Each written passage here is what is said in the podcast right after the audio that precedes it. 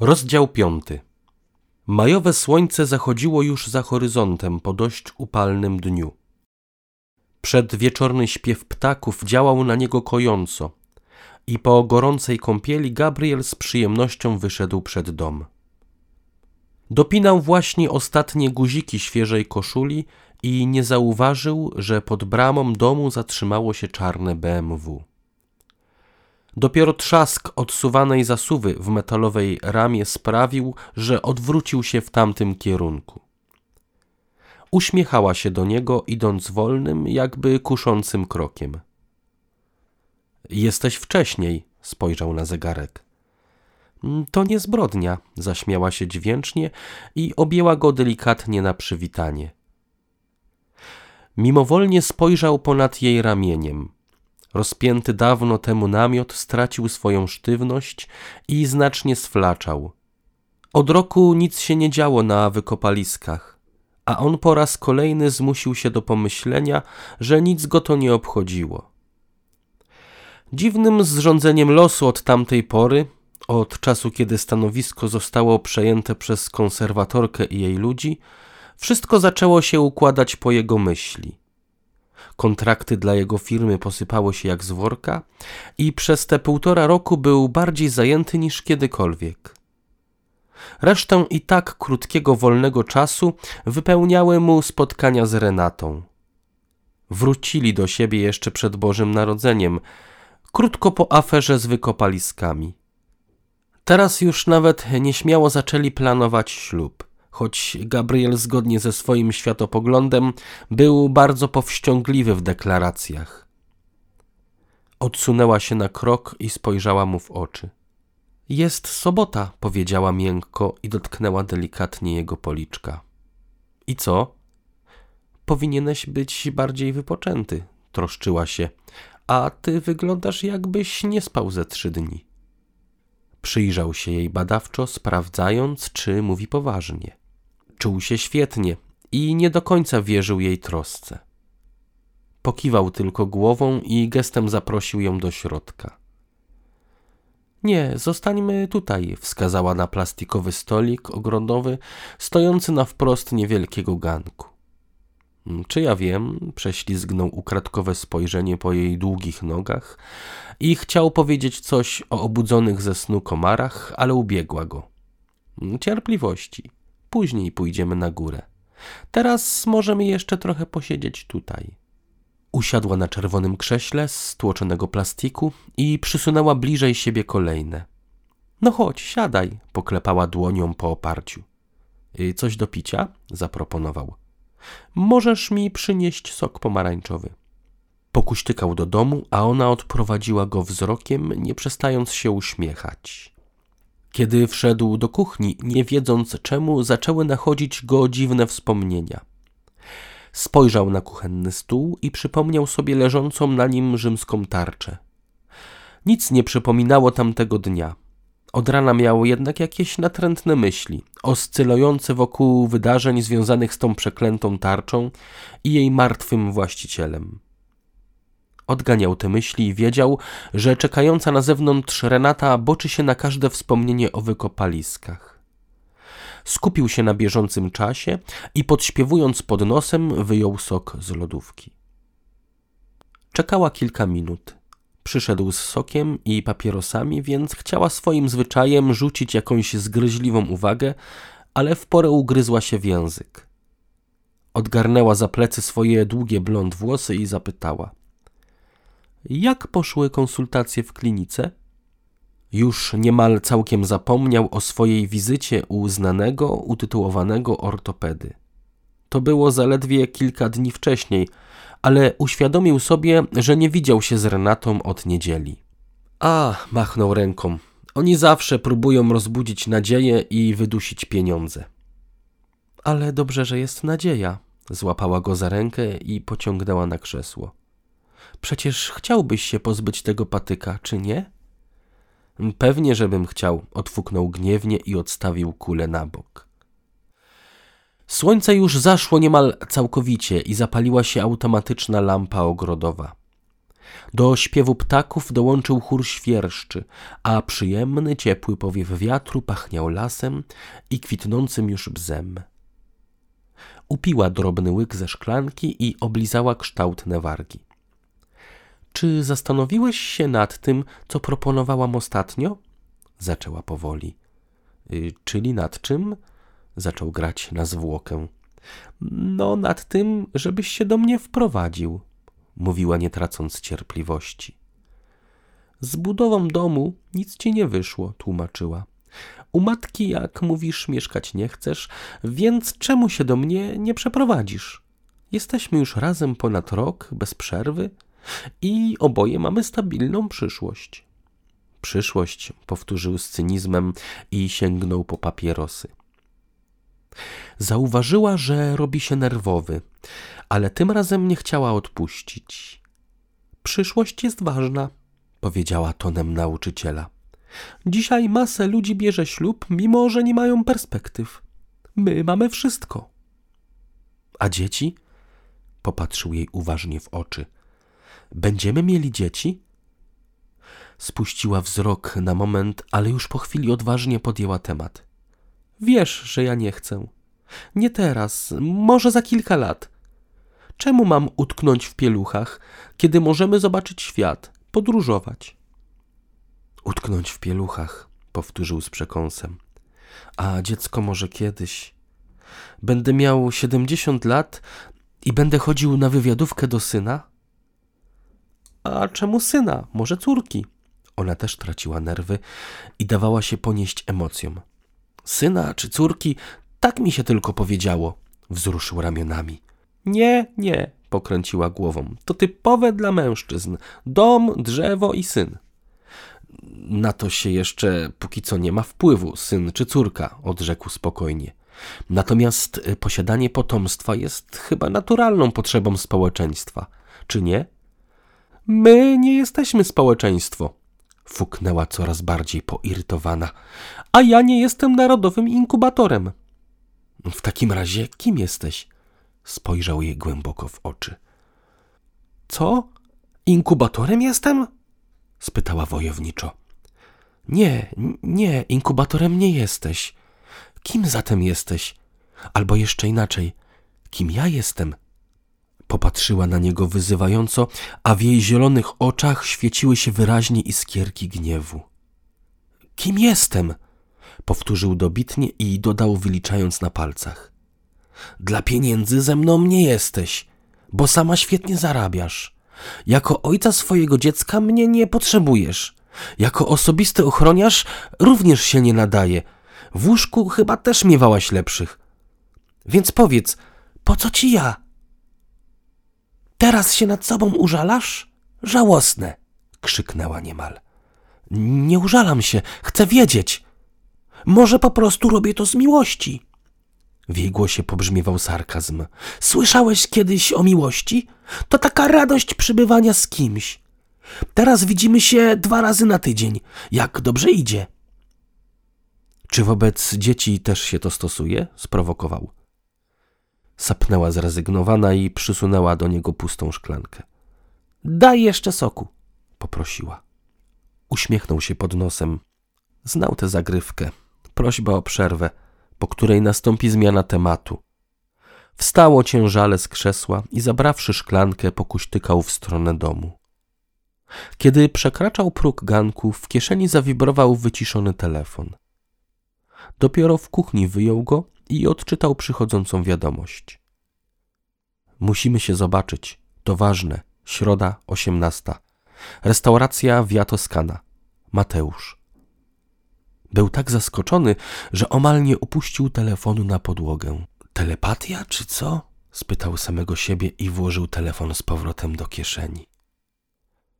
Mateusz nie napisał, gdzie znajduje się ta restauracja, ale Gabriel domyślał się, że jest w Katowicach. Niewielki problem. Wszystko do sprawdzenia albo do dopytania.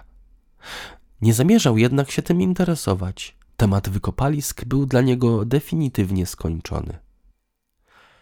Kiedy wrócił do Renaty, rzeczywiście miała już gotowy temat zastępczy. Powinieneś pomyśleć o zainwestowaniu pieniędzy w pomoc drogową. Powiedziała na poły wesoło, na poły poważnie. A to czemu? Misja cmoknęła.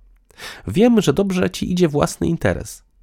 Niemniej tato ostatnio miał poważną awarię na drodze i potrzebował pomocy, a tutaj wokół nie ma. Zaczęła opowiadać o kłopotach ojca z samochodem, ale słuchał jej tylko częściowo. Wiadomość od Mateusza nie dawała mu spokoju. W głowie kołatała mu jedna myśl. Czego może chcieć Mateusz? Dla niego wszystko związane z kośćmi i tarczą dawno było skończone. Obiecał to sobie i Renacie. Czy ty mnie słuchasz? Przyjrzała mu się uważnie. Tak, tak, potwierdził skwapliwie. Pomoc drogowa to dobry pomysł. A teraz chodźmy do środka, na górę, bo się robi chłodno. W środę przełożył wszystkie swoje popołudniowe spotkania i nieco wbrew sobie pojechał do Katowic. Restauracja Via Toscana mieściła się na pierwszym piętrze wysokiego wieżowca, w którym znajdował się hotel. Miał duże trudności ze znalezieniem miejsca parkingowego. Po kilku pętlach wokół hotelu udało mu się trafić na ogrodzony prywatny parking. Zostawił tam swoją Hondę i szybszym niż zazwyczaj krokiem podążył w stronę budynku. Na pierwsze piętro wjechał ruchomymi schodami i tam już bez trudu odnalazł restaurację. Czuł się dziwnie, wchodząc do lokalu, który był urządzony w stylu włoskiej uliczki, a znajdował się w holu potężnego biurowca. Minął olbrzymie akwarium z rybkami, znajdujące się przy drzwiach wejściowych i wszedł do zatopionego w ciepłym półmroku miejsca. Rozejrzał się wokoło i zauważył ich siedzących w kącie przy dużym stoliku. Patrzyli na niego jak na intruza i domyślił się, że raczej nie spodziewali się go tutaj. Podszedł do stolika i przywitał się. Odburknęli zdawkowym cześć i zrobili mu miejsce przy stoliku. Przyjrzał się zebranym. Była już obecna Klaudia, Jarek i Agata. Mateusz musiał się spóźniać, co nie było w smak Gabrielowi. Dostałem wiadomość od Mateusza, usprawiedliwił się Gabriel. Jak my wszyscy, powiedział Jarek i uśmiechnął się gorzko. Tymczasem zjawił się kelner i zapytał, czy może przyjąć zamówienie. Gabriel rzucił okiem na stół i zobaczył, że wszyscy zamówili już dla siebie jakieś alkoholowe trunki. Dla mnie kawę, poprosił i usiadł naprzeciwko Klaudii.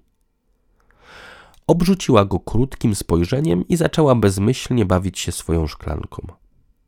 Mateusz się spóźni? zapytał Gabriel onieśmielony krępującą ciszą. Mateusz nie przyjdzie, powiedziała Agata drżącym głosem. Gabriel spojrzał na nią uważnie. Przyłożyła kieliszek do ust, ale nie upiła nawet kropli z połyskującej bursztynowo brędy. W jej oczach błyszczały łzy. Mateusz został zamordowany. Jest już po pogrzebie, powiedział Jarek, a Gabriel poczuł się, jakby ktoś dał mu w twarz. Jak to się stało? Zapytał zarazem wszystkich, a zarazem nikogo. Pierwszy odezwał się Jarek. Agata chyba wie najwięcej. Mateusz nie odpuścił, powiedziała po dłuższej chwili. Sprawa Piłata nie dawała mu spokoju. Jakiego Piłata? Gabriel uniósł brwi. Gdybyś był z nami ostatniego dnia, wiedziałbyś, odezwała się Klaudia z wyrzutem. Gabriel rzucił jej krótkie spojrzenie i zwrócił się do Agaty. Czemu chciał się z nami zobaczyć? Zapewne się bał. Agata potarła czoło zmęczonym gestem. A czy ktoś miał z nim kontakt przed śmiercią? dopytywał Gabriel niezrażony. A ty co, przesłuchanie robisz? Co cię to w ogóle obchodzi? Jarek spojrzał na niego groźnie. Gabriel zamierzał wstać i wyjść. Agata powstrzymała go nerwowym ruchem ramienia. Dajcie spokój, powiedziała do nich. Skoro Mateusz go tu zaprosił, powinniśmy chociaż to uszanować. Spuścili głowy i milczeli dłuższą chwilę. Z tego, co przeanalizowaliśmy podczas Twojej nieobecności, Mateusz pracował nad sprawą. Sądziliśmy, Mateusz również tak uważał, że znalezione zwłoki Rzymianina należały do Poncjusza Piłata. Na wozie znaleźliśmy zwłoki kobiety, prawdopodobnie jego żony Klaudii. Poza tym były tam starożytne skrypty. Jednym z nich miał być nieznany wcześniej list świętego Jana Apostoła. To wszystko bardzo ładne, ale czemu ktoś miałby za to zabijać? Gabriel powątpiewał. Zapytaj Piłata, odezwała się Agata zgryźliwie. Ktoś go zarżnął jak prosie i wrzucił do bagna. Zaraz, zaraz. Gabriel poczuł, że musi ostudzić nieco emocje. Rozmawiajcie ze mną jak z człowiekiem. Więc tak, kto według was zabił Piłata i dlaczego? Nie mamy pojęcia kto i dlaczego, odezwała się Klaudia pewnym głosem. Sądzimy, że być może dla tych skryptów albo dla czegoś, co było w amforach, których jeszcze nie otworzyliśmy. A ktoś inny otworzył? Nikt nie udziela na ten temat żadnych informacji, co jest dziwne, bo nawet jeśli nie był to Piłat, to i tak znalezisko jest epokowe. A tu jest kompletna cisza, co sprawia, że chyba faktycznie istnieje jakiś spisek. Przepraszam, że będę brutalnie szczery, rzekł ostrożnie Gabriel. Ale nawet jeśli macie rację, to przecież ci, którzy zabili Piłata, dawno już nie żyją. Kto więc według was zabił Mateusza i jak to się stało? Mateusz został potrącony przez samochód. Sprawca zbiegł, powiedziała Agata. Skąd więc przypuszczenie, że to było morderstwo, a nie tragiczny wypadek? Zdziwił się Gabriel. Mateusz się bał, wyrzuciła z siebie Agata głośnym głosem. Kilka dni temu czekał na mnie przed szkołą, gdzie uczę jako katechetka. Wyglądał jak siedem nieszczęść i chyba nie sypiał od tygodnia. Powiedział mi wtedy, że on po niego idzie. Jaki znowu on? Gabriel czuł się coraz bardziej skołowany. Niestety tego nie powiedział, odparła Agata zrezygnowanym głosem. Profesor Navarrete używał słowa oni, odezwała się Klaudia. A kto to jest profesor Navarrete? Spytał Gabriel. Mój znajomy. Przesłałam mu zdjęcia skryptów. To on orzekł, że znaleziony pergamin jest listem świętego Jana. I co dalej? dopytywał Gabriel zaciekawiony. Nic, odrzekła niepewnie. Nie mamy już z nim kontaktu. Zamilkł. Co znaczy zamilkł? Nie odpisuje na maile, nie odbiera telefonu, zamilkł powiedziała drżącym głosem, jakby chciała przekazać, że nawet boi się podejrzewać, co stało się z profesorem. Więc ty masz jeszcze tę kopię listu? Zauważył przytomnie Gabriel. Na komputerze albo zapisane w skrzynce poczty elektronicznej w folderze wysłane? Nie mam. Klaudia popatrzyła mu nerwowo w oczy. Komputer mi skradziono już następnego dnia po powrocie na uczelnię, a skrzynkę mailową szlak trafił wyczyszczona do zera. Gabriel mierzył ją wzrokiem, jakby miało do czynienia z niezupełnie zdrową na umyśle osobą. Więc co macie? spytał niemal szeptem. My nic. Klaudia odpowiedziała szczerze. Podejrzewam, że Mateusz zrobił kopię i miał. A jeśli tak, to zapewne było to właśnie przyczyną jego śmierci. Ostatnie słowa wypowiedziała niemal bezgłośnie, gdyż zjawił się kelner i postawił przed Gabrielem filiżankę z kawą. Kiedy się oddalił, Klaudia nachyliła się bliżej niego i kontynuowała. Profesor Navarrete mieszka we Włoszech. Kiedyś był uznanym archeologiem, ale jego kariera zawaliła się, kiedy odkrył coś w Pompejach. On mówił, że to miało związek z kultem Maryi. Co ty mówisz? żachnął się Gabriel. Zaczyna to przypominać ponurą historię o jakichś lożach masońskich albo zakonach Syjonu. I pewnie można by się było śmiać do rozpuku, rzekła Agata.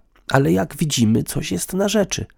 Śmieszna teoria spiskowa, a wokół niej kradzież komputera, danych i zgony. Zaraz, zaraz, powoli. Gabriel pomyślał przez chwilę i rzekł. Czy w takim razie nierozsądniej byłoby się tym wszystkim nie zajmować? Agata parsknęła śmiechem i spojrzała na niego z obrzydzeniem. To są właśnie nasi żołnierze. Rzuciła pogardliwie w jego kierunku, a on poczuł, jak wzbiera w nim gniew. Ty możesz robić, co chcesz, powiedziała do niego Klaudia oschle. Jak dla mnie, Mateusz niepotrzebnie do ciebie pisał. Nawet lepiej, że będziesz poza sprawą. Mateusz nie napisał do niego z sympatii, Agata pokręciła głową. Nie liczył też na jego pomoc. Mateusz uważał, że bez względu na wszystko jemu też grozi niebezpieczeństwo. Czemu? rzucił krótko Gabriel. Bo w dupie nie ma drzemu, warknął niespodziewanie Jarek. Jeśli jeszcze nie pojąłeś, że komuś zależy na utopieniu piłata z powrotem w bagnie, to jesteś głupszy niż te rybki w tamtym akwarium. Od początku byłeś w samym środku wykopalisk i nie zaryzykują, żebyś gęgał. Gabriel popatrzył na niego dziko i nie tknąwszy nawet kawy, wstał od stolika. Poncjusz Piłat spiski i zapewne tajne organizacje, wycedził przez zaciśnięte zęby. Wiecie co? Mnie bez was się bardzo dobrze żyje. Jakoś wszystko samo się dobrze układa. Nie zniszczycie tego. Dobranoc. Wysupłał z kieszeni stuzłotowy banknot i od niechcenia cisnął nim na stolik. Potem pośpiesznie złapał za swoją kulę i zrobił krok w stronę wyjścia. Kolejna janda w twoim życiu, co? odezwała się do niego niespodziewanie Agata. Gabriel momentalnie poczerwieniał. Przez chwilę mierzył ją dzikim wzrokiem, po czym wydusił z siebie. Wydaje ci się, że coś wygrzebałaś zapewne w gogle. Myślisz, że coś wiesz, ale gówno wiesz. Być może, odparła wzruszając ramionami, ale dopiero teraz wiem, że Klaudia miała rację. Uciekaj, zostaw innych na polu walki, przejdź po bezpiecznej drodze. W odpowiedzi machnął tylko ręką i skierował się do wyjścia. Żeby kogoś zniechęcić, można go zastraszyć. Katechetka rzuciła jeszcze za nim, ale bardziej skuteczne jest rozpieszczanie. Nie zareagował. Uznał, że nie ma najmniejszej przyjemności w przebywaniu z tymi najprawdopodobniej szalonymi ludźmi. Im dalej znajdował się od stolika, tym lepiej się czuł. Nie mógł sobie darować, że zdecydował się przyjechać na to spotkanie. Słyszał jeszcze przez jakiś czas podniesione szepty przy stoliku, ale nawet nie mógł zrozumieć, o czym mówią. I tak było dobrze. O co chodzi z tą Jandą? zapytała Klaudia, gdy tylko Gabriel zniknął na korytarzu. Janda to miejscowość w Afganistanie, niedaleko Kabulu, wyjaśniła Agata i nachyliła się konspiracyjnie nad stołem. Chodzi o to, że jak doczytałam, powiedziała niepewnie, widząc wlepione w nią ciekawskie spojrzenia. Miała tam miejsce zasadzka, w którą wpadli polscy żołnierze. Właściwie nie w samej Jandzie, tylko opodal. Zginęło kilku żołnierzy, a śledztwo wykazało, że dowódca podjął decyzję o obejściu miasta. Rzekomo bał się właśnie zasadzki w mieście i na górskiej drodze wpakował swoich ludzi w jatkę. I to nasz pan Kostecki był tym dowódcą? zapytał Jarek. Kapitan Kostecki, potaknęła. A potem jeszcze te machlojki, przypomniała Klaudia. Niezbyt wyrafinowane, Agata uniosła palec do góry. Zwykłe i powszechnie stosowane zabiegi na przetrwanie naszej rzeczywistości biznesowej. Tak czy inaczej, zostawmy już Gabriela w spokoju. Nie ma go z nami i już. Radźmy, co robić. Jarek i Klaudia popadli w zadumę. Minęła dobra minuta, zanim Klaudia odezwała się niepewnym głosem. Co w ogóle możemy zrobić? Według mnie trzeba się zabezpieczyć, powiedział Jarek z namysłem. W tej chwili nie wiemy nic. Ale o czym nie wiemy nic? spytała go Klaudia. Nie wiemy, komu zależy na ukręceniu łba sprawie i dlaczego, zauważył. Kiedy dowiemy się o co chodzi, czemu ktoś boi się odkrycia, będziemy mogli wytypować ludzi, którzy potencjalnie są w to zaangażowani. I po co nam ta wiedza? zapytała Klaudia. To może być dla nas polisa na życie, odparł i pociągnął dalej. W tej chwili wiemy niewiele. I nikogo nie obchodzi, co wiemy. Dlatego łatwo nas sprzątnąć. Nie mamy się czym zasłonić, czym zaszachować. Jezu, Agata złapała się za głowę. Sądziłam, że możemy to zrobić dla nauki, dla prawdy. A co to jest prawda? Jarek machnął ręką, ale natychmiast połapał się, że właśnie wypowiedział motto wyryte na mieczu Piłata i poczuł się dziwnie. Obojętne dlaczego, dla jakich powodów? Ucięła nagle Klaudia. Obojętnie? Pytanie brzmi raczej, co mamy w tej sytuacji robić? Od czego zacząć? Od Mateusza, stwierdziła pośpiesznie Agata. On chyba już dużo wiedział. Nawet jeśli, to zapewne i jego wiedza przepadła, tak jak i komputer Klaudii, skwitował Jarek z kwaśną miną. To nawet pewne, przytaknęła Agata i ściszając głos powiedziała. On miał jakieś sekretne miejsce, gdzieś, gdzie chował to, co odkrył. Skąd wiesz, gdzie jest to miejsce? Zapytali ją niemal równocześnie. Podczas naszego ostatniego spotkania powiedział coś dziwnego, wyjaśniła z dozą niepewności. Nachylili się bliżej, a ona jeszcze bardziej ściszyła głos. Powiedział, że żeby na powrót podjąć trop, trzeba wrócić do źródła i odrodzić się w brzasku jutrzenki. Jarek wyprostował się machinalnie i roześmiał. Też mi coś, rzekł z irytacją. To tylko taka tania maksyma, taka złota myśl. Też bym tak pomyślała. Agata nie dała się zbić z tropu. Nie chodzi jednak o to, co powiedział, ale jak powiedział. Gdybyś go wtedy usłyszał, wiedziałbyś, że chce przekazać coś więcej. Czyli co? spytała Klaudia z lekko drwiącym uśmieszkiem. Zapewne musimy szukać we Włoszech, ironizował Jarek. Skąd to pochodzi Piłat według teorii? Ze środkowej Italii według jednych, z tureckiego pontu według drugich. Jedźmy. Sądzę raczej, że chodziło mu o wykopaliska, ucięła szybko Agata poirytowanym głosem. Jego siostra powiedziała mi po pogrzebie, że nadal tam jeździł i ona nie wiedziała nawet, że od dawna nie mieliśmy tam wstępu. Wykopaliska! Wuknęła Klaudia wściekle i odwróciła głowę w kierunku wyjścia, jakby również chciała wstać i wyjść. Ja też chciałabym, żeby wszystko było łatwe i przyjemne. Agata zareagowała błyskawicznie.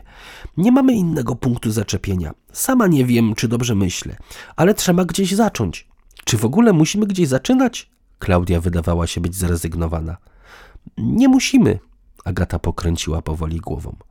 Ale mam wrażenie, że powinniśmy. Gabriel siedział w kuchni i wolno przeżuwał kanapkę z wołowiną. Był już późny wieczór, ale czuł się zbyt podekscytowany wiadomością od ortopedy i nie spieszyło mu się do łóżka. Wiadomości były pomyślne i według prognoz doktora Krzywickiego miał spore szanse na pozbycie się kuli. Jedna, dwie operacje i powinien wrócić do stanu w miarę poprawnej sprawności fizycznej. Dobry humor, który nie opuszczał go od dwóch dni, sprawił nawet, że wdał się w całkiem serdeczną dyskusję z głosicielami Kościoła Jednej Prawdy i nawet nastawił się pozytywnie do przekazywanych przez nich informacji. To wszystko sprawiało, że nawet matka zaczęła się zachowywać jak człowiek i zdobyła się na taką masę serdeczności, jakiej nie doznał od niej w całym swoim życiu. Był już nawet umówiony na następną sesję studiowania Biblii i starał się jakoś nadrobić swoje braki. Po kilku próbach zgłębienia zawiłości kościelnej teologii dał sobie jednak spokój i uznał, że wywody biblistów zawierają największą ilość wszelkiego rodzaju izmów, jaką kiedykolwiek spotkał. Musiał przyznać, że logika głosicieli była prosta jak budowa cepa. Chyba dlatego tacy ludzie jak pan Zygmunt, będąc mechanikami samochodowymi, stawali się liderami grup. Imponowało mu to zwłaszcza dlatego, że jak wiedział, grupa pierwszych uczniów Jezusa składała się głównie z prostych rybaków. Siedział więc przy stole i czytał kolorowe wydanie religijnego pisma, co jakiś czas zakreślając ołówkiem fragmenty, o które chciał dopytać Zygmunta podczas następnego spotkania. W pobliskiej wsi zaczęto plotkować i nawet doszły go słuchy, że liczne grono dostojnych bigotów już postawiło na nim krzyżyk i uczyniło z niego formalnego przechrztę. W kuchni świeciły się niemal wszystkie światła i mimo tego, że było w niej jasno jak w dzień, jego czujne oko wyłapało ulotny promień światła. który niemal niezauważalnie prześlizgnął się po ścianie. Ostrożnie odwrócił się do okna, ale w panującej na zewnątrz ciemności nie mógł niczego dostrzec. Wstał więc od stołu i wolnym krokiem skierował się do wyjścia. Uchylił jedynie drzwi i zgasił światło. Wtedy dopiero wrócił do okna i wyjrzał na zewnątrz. Jarek omal nie pacnął Agaty w ucho. Mówiłem ci, żebyś uważała z tą latarką. Mimo, że starał się mówić szeptem, jego głos zabrzmiał jak grom. A ty się nie wydzieraj, odgryzła się Agata, chowając latarkę do torby. Klaudia miała zostać na czatach. Stanęła za rozłożystym krzakiem i wlepiła wzrok w oświetlone okno pobliskiego domu. Nawet z tej odległości widziała wyraźne plecy siedzącego przy kuchennym stole Gabriela. Cała ta akcja już od samego początku wydawała się jej niepotrzebną dziecinadą i zastanawiała się, jakim cudem u licha dała się w to wciągnąć. Kiedy usłyszała podniesione głosy Jarka i Agaty, odwróciła się na chwilę i spiorunowała ich wzrokiem. Po chwili odwróciła twarz z powrotem w kierunku domu i zobaczyła, jak Gabriel wstaje od stołu i wychodzi z kuchni. Chyba wreszcie idzie spać, powiedziała do siebie z ulgą. Jarek i Agata postępowali zgodnie z uzgodnionym wcześniej planem. Zachowując ciszę, podkradli się pod sflaczały już mocno namiot i rozsznurowali sparciałe sznurki przy wejściu. Weszli do namiotu i tak od razu owionęło ich pachnące ziemią powietrze. Oboje doznali podobnych wrażeń, coś jakby mieszanki dobrych wspomnień i żalu po niespełnionych nadziejach. Powietrze wewnątrz było duszne i jeszcze ciepłe po całodziennej aktywności majowego słońca. Starali się nie tracić czasu. Agata ponownie wyjęła z torby pożyczoną od ojca dużą myśliwską latarkę i spoglądając z obawą na tonącą w mroku postać Jarka, zaświeciła ją. Mocny promień światła skierowała początkowo w dół, po czym ostrożnie omiotła nim całą kubaturę wnętrza. Wnętrze zdawało się wyglądać tak samo, jak je zostawili. Jedynie na ziemi walały się niezliczone ilości przeróżnych śmieci. Jakieś pudełka po narzędziach, puszki po piwie i pomięte zapisane kartki. Agata przykucnęła i rozwinąwszy jedną z nich, przyjrzała się zawartości. Był tam jakiś szkic, ale nie zdążyła mu się jeszcze dokładnie przyjrzeć, gdy Jarek położył swoją ciężką dłoń na jej ramieniu. Wiem, że to też może być ważne, szepnął do niej, ale nie możemy tracić czasu. Musimy skupić się na tym, po co przyszliśmy. Agata wstała i podeszła do krawędzi wykopu. Poświeciła latarką do wnętrza. Oboje wiedzieli, że szkieletów nie miało tam prawa już być, ale oboje też nie mogli się powstrzymać przed sprawdzeniem, jak wygląda krajobraz po pracy ich zmienników. Ziemia na dnie wykopu wyglądała jak przeorana pługami setki razy. Ale przeczesali. Ciekawe, czy coś jeszcze wygrzebali. Jarek szepnął jej prosto w ucho. Jeśli tak, to z nas rzeczywiście są amatorzy. Odparła bez wahania. Poświeć na podpory, poprosił Jarek. Wiedzieli, że istnieje wątła szansa, jak jeden do miliona, że Mateusz coś tam ukrył. Pamiętali dobrze ten dzień, kiedy na polecenie Gabriela rozbito namiot. Mateusz żartował wtedy, że namiot jest dziwnie niesymetryczny. Dziwiła go zwłaszcza nieparzysta ilość aluminiowych filarów. Było ich dokładnie siedem. Tyle samo co naszych szkieletów, zauważył wtedy i postanowił ponazywać każdy z nich imionami, jakie wcześniej nadali bezimiennym kościom. Wtedy nie było jeszcze mowy o Piłacie. Nazywali go Lucjusz Tytus, choć nikt już nie pamiętał, kto tak wymyślił i dlaczego. Niemniej rzymskie imię Lucjusz oznaczało dziecko urodzone obrzasku. Stąd Agata miała nadzieję, że Mateusz w ostatniej rozmowie z nią chciał ją właśnie naprowadzić na ten aluminiowy filar. Tam, Jarek wskazał palcem jedną z podpór. Jesteś pewny? Agata nie była pewna. Jestem, odparł i nie czekając na nią ruszył w stronę filaru. Podążyła za nim i za chwilę stanęli przy szerokim na trzy palce aluminiowym profilu. Nie bardzo wiedzieli, jak się zabrać do przeszukania rurki. Jarek bezmyślnie popukał po jej powierzchni, po czym podrapał się po głowie. Może zakopał przy niej. Agata miała nadzieję, że Mateusz uprościł im zadanie i przesunęła krawędzią buta po obrośniętej suchą trawą ziemi. Nie wydaje mi się, zaprzeczył, widząc, że trawa z pewnością nie została naruszona.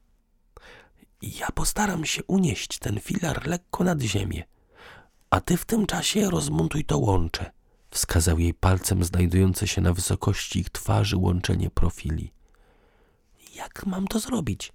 zapytała z zafrasowaną miną. Najpierw wyjmiesz zawleczkę, a potem rozdzielisz rurki, objaśnił. Nie wiem, czy dam radę, ale spróbuję.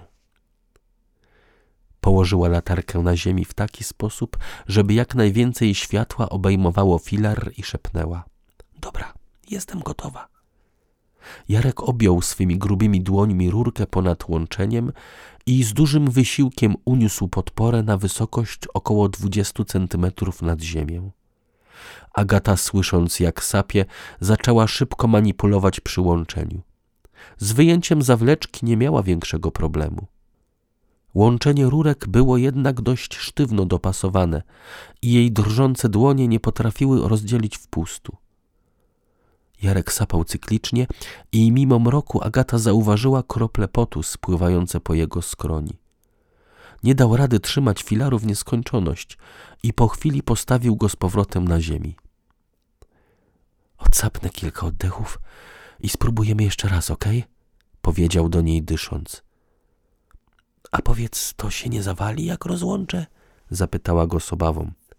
Nie powinno, zaprzeczył i poinstruował ją. Musisz tym tak kręcić, bo inaczej to nie wyjdzie. Po chwili spróbowali jeszcze raz. Tym razem Agata skorzystała z rady Jarka i pokręciła rurką raz w lewo, a raz w prawo. Z ulgą wyczuła, że łącze poddało się i rurka zaczęła wysuwać się z wpustu. Dobra, jest nasza, z radością wysapał Jarek. Kiedy aluminiowy profil całkowicie wysunął się, ostrożnie puścił podporę. Namiot zakołysał się niebezpiecznie i wydawało się, że cała konstrukcja runie. Na szczęście jednak pozostałe podpory spełniły swoje zadanie i po chwili namiot ustabilizował się. Agata położyła rurkę na ziemię i spytała: Co z tym dalej? Jarek przykucnął i chwyciwszy za profil, potrząsnął nim mocno. Coś zaszeleściło cicho w jego wnętrzu, sprawiając, że oboje mimowolnie się uśmiechnęli. Jarek podniósł rurkę z ziemi i odwrócił ją wylotem ku ziemi. Niemal natychmiast wysunęła się z jej wnętrza bawełniana szmatka. Było to krótkie zawiniątko, niezdarnie związane starą sznurówką. Agata natychmiast podniosła je z ziemi i drżącymi z podniecenia dłońmi odwiązała sznurek i rozwinęła tkaninę. Wewnątrz znajdował się tylko gruby długopis. Długopis? Jak to? Nie kryła zdumienia. Jarek poświecił na jej dłonie i zaśmiał się głośno, aż z wnętrza namiotu odezwało się echo. To jest chińska kamera, powiedział do niej. Kamera? Tak, kamera. Jest w obudowie maleńki otworek. Tam jest obiektyw. Wyjaśnił i wyjął długopis z jej dłoni. Ale pogrzyba ukrył tu kamerę. Co chciał filmować? Agata nie bardzo rozumiała. Niczego nie chciał filmować, głupia. Jarek popukał się po czole. Jak miałby filmować przez szmatę i filar? Chodzi o to, że w tym sprzęcie jest przecież minidysk, w którym można przechowywać dane. Pewnie, że jest. Odezwał się nagle czyjś głos za pleców. Odwrócili się jak na komendę w stronę skąd dobiegał. Kilka metrów dalej stał Gabriel. Nie widzieli właściwie nic poza ciemnym konturem jego sylwetki. bo stał tam i świecił w ich stronę mocną latarką. Rozpoznali bez trudu jego głos i widzieli, że podpiera się na kuli. Stali jak skamieniali i nie mogli wydusić z siebie słowa. Gabriel odezwał się po chwili twardym tonem. Musicie mi to natychmiast dać i opuścić moją posesję. To nie jest już twoja posesja, powiedział niepewnie Jarek. Tak, zaśmiał się Gabriel nieprzyjemnie. Moja ziemia, mój namiot i mój Colt 44. Usłyszeli metaliczny dźwięk odciąganego kurka rewolweru. Gabriel, powiedziała Agata błagalnie, dlaczego nie chcesz, abyśmy zajęli się tajemnicą Piłata? Czego nie chcę? spytał ironicznie. Jak dla mnie możecie robić, co wam się podoba, pod warunkiem, że w swoich namiotach. Ta rzecz była ukryta w moim. Ale przez Mateusza, Jarek podjął mocnym głosem. On wiedział, że jeśli coś mu się stanie, ty prędzej czy później znajdziesz ten dysk i skontaktujesz się z nami.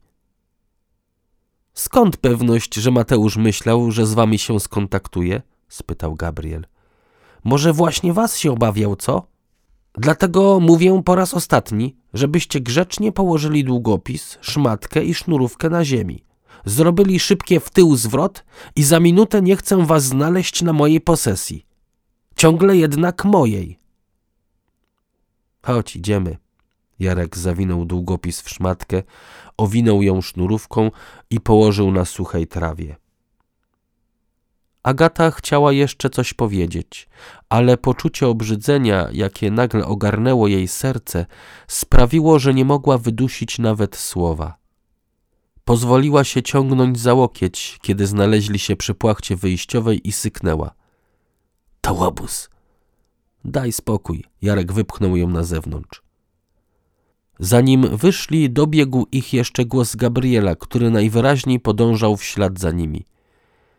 I pozdrówcie ode mnie panią komandos na czatach. Klaudia stała ciągle za tym samym krzakiem, za którym ją zostawili. Patrzyła na nich pytająco, co chwilę odwracając głowę w stronę pobliskiego domu, jakby nadal pilnując, aby nikt nie nadszedł. Daj sobie spokój z tą obserwacją, powiedział do niej Jarek z wyrzutem i rzucił krótko. Jedźmy stąd. Klaudia o nic nie pytała, jednak bez trudu domyśliła się, że coś poszło nie tak. W milczeniu dotarli do zaparkowanego za pobliskim zagajnikiem wysłużonego Alfa Romeo i weszli do środka. Jarek zapuścił silnik i już bez żadnych obaw zapalił mocne światła.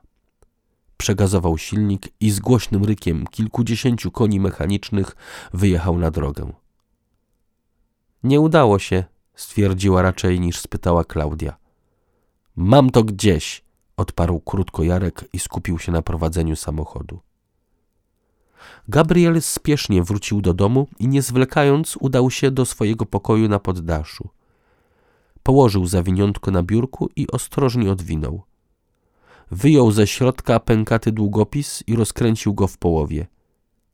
Spodziewał się znaleźć typową dla tego typu kamer wtyczkę USB. Ku swojemu zdumieniu zauważył jednak, że w środku znajdował się zwykły nabój z atramentem. Teraz dopiero zorientował się, że jest to pióro, którego jak pamiętał używał Jarek. Wściekł się i omal nie rzucił piórem o ścianę. Dał się wyprowadzić w pole jak dziecko. W mieszkaniu rodziców Jarka pachniało cytryną i cynamonem. Wszystkie sprzęty w tym ciasnym, komunalnym lokalu były dobrane w sposób tradycyjny i razem z ciepłymi kolorami ścian sprawiały przytulne wrażenie. Jarek upewnił się, że drzwi sypialni rodziców są zamknięte i wprowadził gości do swojego pokoju. Zachowując ciszę, ostrożnie zamknął za nimi drzwi. Musimy zachowywać się cicho, Rodzice są bardzo konserwatywni i nie lubią gości po nocach. Powiedział do nich przyciszonym głosem i bez chwili zwłoki włączył stacjonarny komputer. Kiedy system operacyjny zakończył otwieranie wszystkich aplikacji, bezzwłocznie wsunął dysk długopisowej kamery do gniazda USB. Czekali chwilę w napięciu. Wreszcie na monitorze pojawiła się lista plików i folderów. Jarek w podnieceniu nawet nie przyjrzał się im, lecz pośpiesznie uruchomił pierwsze nagranie. Na ekranie pojawił się panel odtwarzacza, a chwilę potem ujrzeli twarz Mateusza, ustawiającego kamerę do nagrania. Wszystkim zadrżały serca na myśl, że słuchają mnie jako głosu z zagrobu, ale nikt się nie odezwał. Czekali w skupieniu na słowa Mateusza. Po chwili zobaczyli, jak Mateusz siada na krześle i zaczyna pośpieszny wywód. Gabrielu, mam nadzieję, że udało ci się znaleźć te pliki. Z naszej grupy tylko ty jesteś jak na razie najbezpieczniejszy i tylko ty możesz spróbować ocalić resztę. Ja jestem już skończony, nie mam szans. Zabrnąłem za daleko i skończę jak Piłat z Pontu albo profesor Navarrete. Posłuchaj, Gabrielu, bo nie ma dużo czasu. Wszystko znajdziesz w zgranych na dysk tej kamery plikach. Podzieliłem list świętego Jana na trzy części i każdą z nich odesłałem innemu specjaliście od starożytnej Greki. Tylko jeden okazał się wart współpracy i odesłał mi tłumaczenie. Od dwóch dni nie mam z nim kontaktu, więc również obawiam się, że został w najlepszym razie zastraszony. Tłumaczenie jest na kamerze, jak również fotokopie skryptów. Musicie współpracować z Klaudią, Agatą i Jarkiem. Musicie, słyszysz? Bo on i tak was nie zostawi w spokoju. Musicie się z nim zmierzyć. Po tych słowach Mateusz wstał, podszedł do kamery i wyłączył ją. Nikt z obecnych nie odezwał się słowem jeszcze przez następne kilka minut. Pierwsza odezwała się Klaudia. Mówcie, co chcecie. Ja się czuję bardzo dziwnie, że on się tak uparł na tego Gabriela. Nie wiedział, bąknęła Agata. Tak czy inaczej skopiujemy pliki i oddamy długopis Gabrielowi, zdecydował Jarek i podszedł do biurka. Otworzył kolejny folder. Znajdowały się tam wszystkie zdjęcia skryptu, ponumerowane i umieszczone w dwóch odrębnych folderach. Pierwszy z nich był nazwany Tallus i zawierał kilkadziesiąt fotografii. Drugi nosił nazwę Czwarty Listiana i były tam zaledwie trzy fotografie. Prosta sprawa, stwierdziła Klaudia. Każdemu z językoznawców wysłał inną fotkę. Tylko komu? spytała Agata. Jarek zamiast odpowiedzi kliknął plik tekstowy na dysku. Nagłówek głosił strona trzecia i zaraz pod nim następował tekst. Wielkim żalem napawają nas słuchy o braciach, którzy na wieść o tym zapałali gniewem i chcą zadać kłam naszym świadectwom. Wieść o śmierci matki Pana głoszą, także i szukają jej grobu. Z tej to przyczyny dwie pieczary w Efezie i trzy w Jerozolimie zostały rozbite i skalane. Wiele mógłbym ci napisać, ale nie chcę użyć karty i atramentu, mając nadzieję na nasze rychłe spotkanie w Rzymie, gdzie od śmierci brata pańskiego bezpieczniej. Pismo to powierzam naszemu bratu, który wraz ze swoją żoną, a naszą siostrą udaje się do Rzymu, choć świadomi jesteśmy niebezpieczeństwa, jakie tam na nich czyha. Pismo to przyobiecał własną tarczą osłonić, tak więc tarcza jego i pismo niejako jednym się teraz stają. Niech dobry Bóg ma ich w opiece i prowadzi ich bezpiecznie do celu. Jestem pewien, że rad będziesz zobaczyć tę, która w noc paschy baranka tyle przecierpiała wraz z Panem naszym. Dzieci Twej wybranej siostry i matki naszej ślą Ci pozdrowienia. Jarek przeczytał cały tekst na głos trzy razy i położywszy sobie palec na ustach, zaczął mruczeć w zastanowieniu. Hmm, to zdaje się kupy nie trzyma, powiedział po chwili. Nie wiemy, o czym jest tekst poprzedni. Zdaje się, że mówi o śmierci Maryi, stwierdziła Klaudia. Przecież nie tak, zareagowała Agata błyskawicznie. Tam jest mowa, że pewni ludzie głoszą śmierć Maryi, chcąc zadać kłam jakiejś informacji. I ty zapewnie już wiesz jakiej, Klaudia ironizowała. Zapewne ty też się domyślasz jakiej, odparła katechetka. Nie daj się zbić z tropu. Że co, w niebo wzięcie? zapytał Jarek. Być może. Agata była ostrożna w precyzowaniu swoich myśli. Ale jeśli tak, to mamy sensację. Klaudia uniosła palec wskazujący do góry, jakby chciała uciąć dalsze dyskusje. Niczego się więcej teraz nie dowiemy, powiedziała wstając z fotela. Ja mam dosyć wrażeń na dziś. Czy mógłbyś mi skopiować te pliki na jakiś nośnik? Tak, odrzekł Jarek, rozglądając się po biurku. Z porcelanowego pudełka, który wyglądał jak pojemnik na masło, wyjął plastikowy pendrive w kształcie bożonarodzeniowej choinki. To był jakiś gift z okazji świąt, ale ma chyba dobrą pojemność. Pomamrotał i wsunął choinkę do wolnego gniazda USB. Ja też chcę, poprosiła Agata i dodała zaraz. To jaki mamy plan? Przede wszystkim trzeba będzie oddać długopis Gabrielowi. Niech robi z tym, co chce, powiedziała poważnie Klaudia.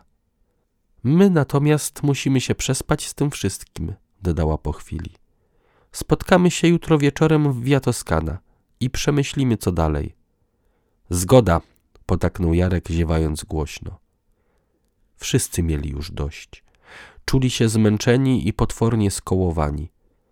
Każdy z nich musiał jednak przyznać przed samym sobą, że nie był w stanie uciec od intrygi, która wciągała ich coraz głębiej. Nawet przepowiedziane niebezpieczeństwo nie było już w stanie zmusić ich do ucieczki. Gabriel nie dysponował żadnym numerem telefonu do członków grupy archeologicznej.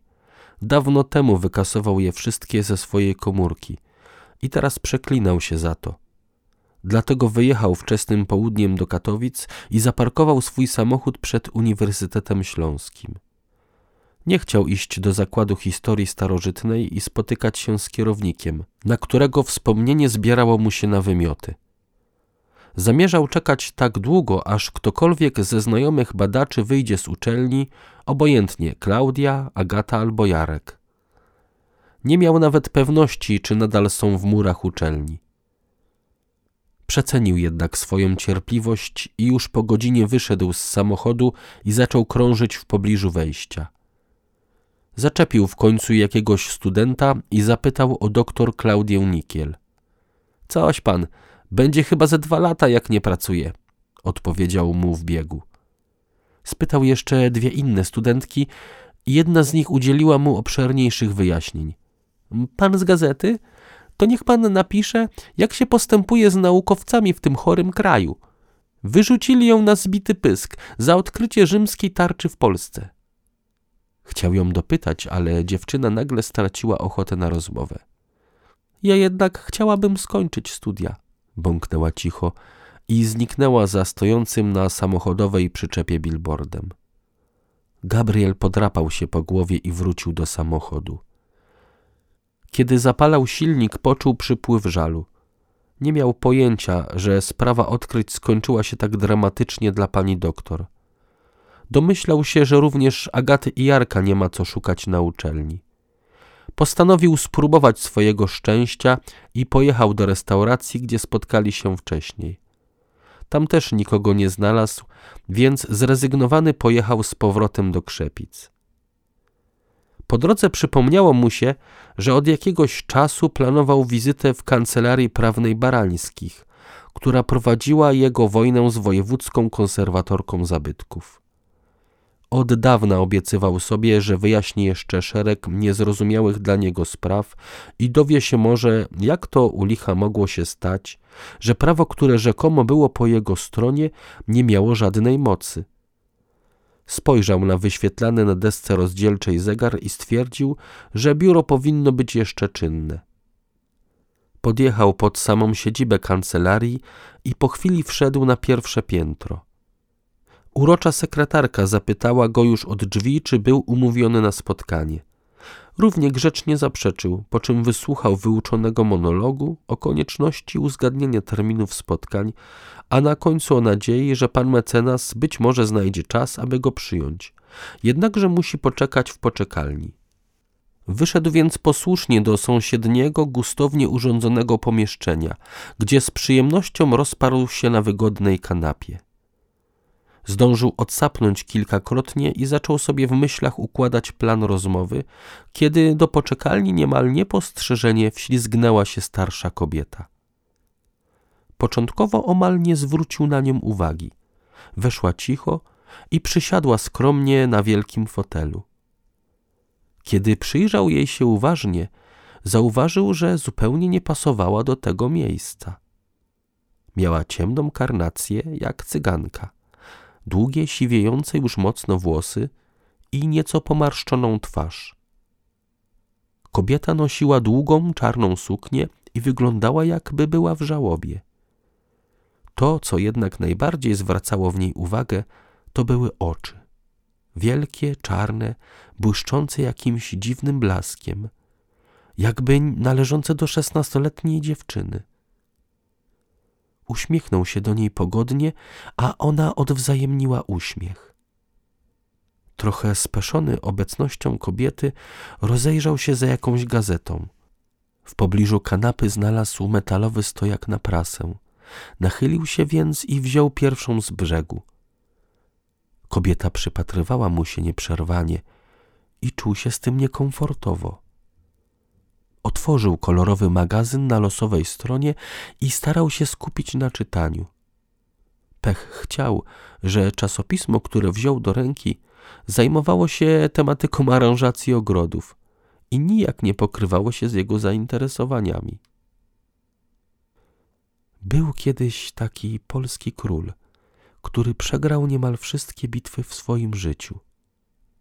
Odezwała się do niego niespodziewanie. Hm? Mruknął z nad gazety. Król, który przegrał niemal wszystkie swoje bitwy, powtórzyła spokojnym głosem. Podniósł oczy z nad kredowej, błyszczącej kartki i wolno odwrócił głowę w jej stronie. Czemu mi pani o tym mówi? spytał. Bo każdy powinien znać historię tego króla. Uśmiechnęła się przyjaźnie. I co dalej?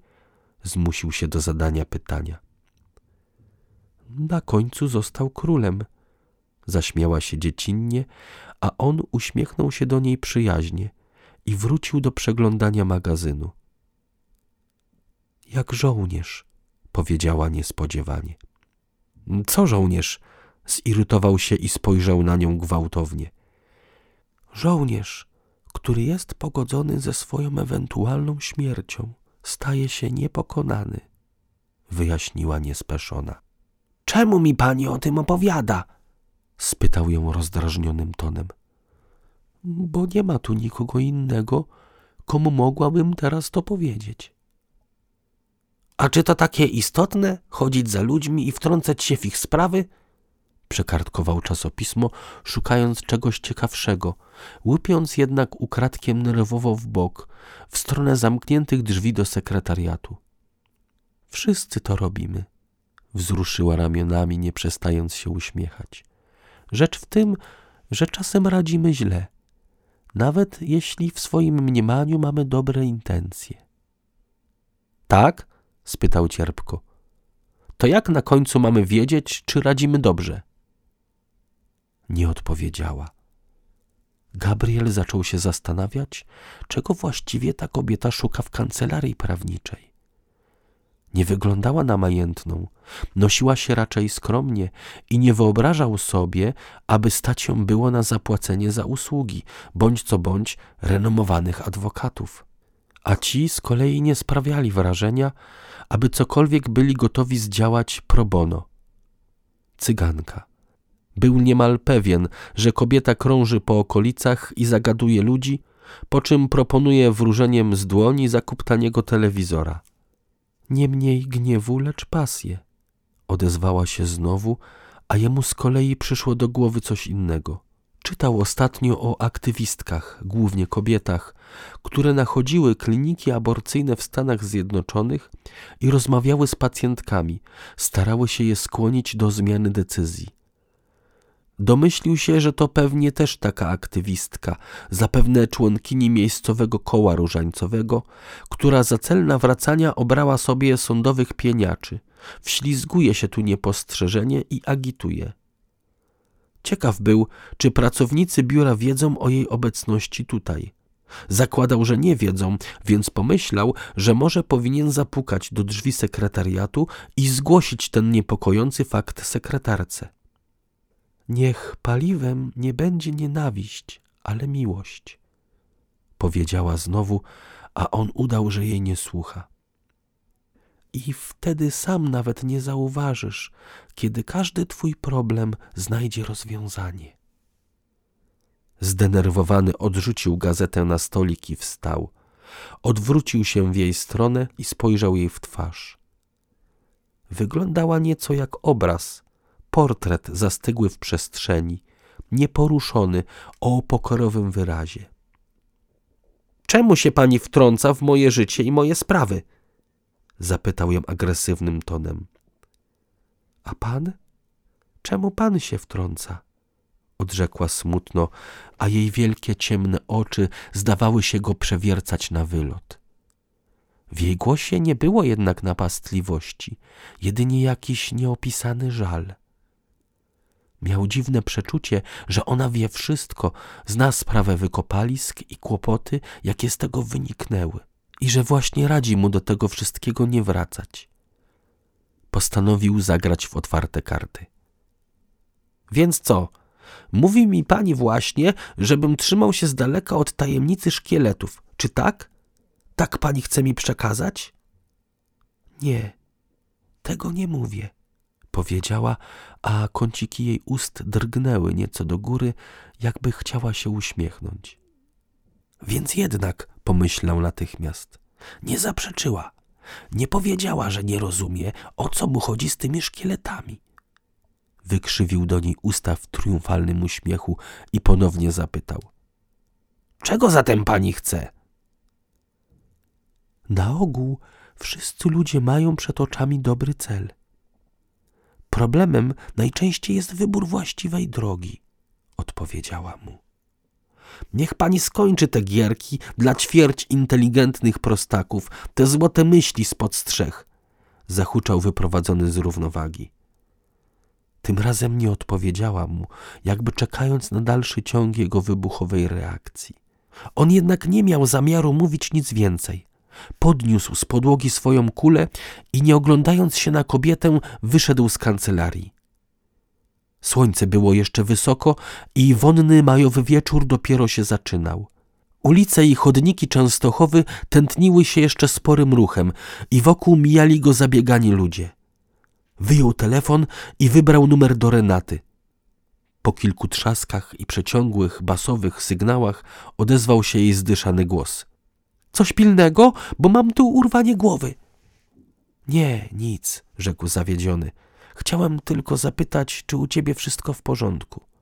W porządku, jeśli nie liczyć ciągle tego samego problemu z jednym klientem. Spotkamy się w sobotę, to ci opowiem, dobra? Teraz muszę lecieć, pa! Rozłączyła się, nie czekając na jego odpowiedź. Stęknął ciężko i ruszył w kierunku zaparkowanego samochodu. Już z daleka zauważył, że coś jest nie tak. Tylna klapa bagażnika odstawała nieco od maski i wiedział, co to oznacza. Przeklinając pod nosem, podszedł do niej i otworzył ją.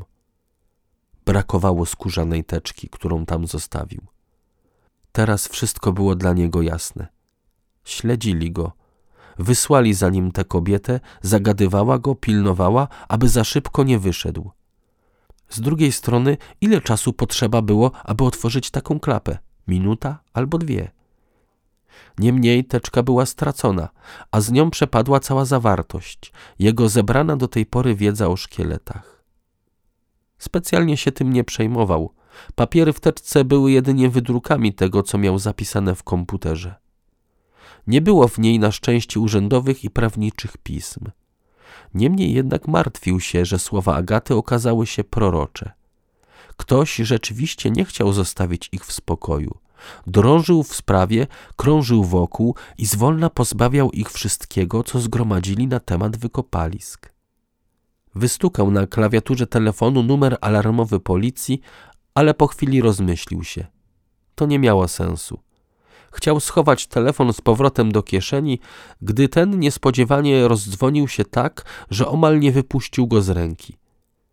Na ekranie wyświetlał się nieznany numer. Halo? odebrał, przełączając jednocześnie na głośnik.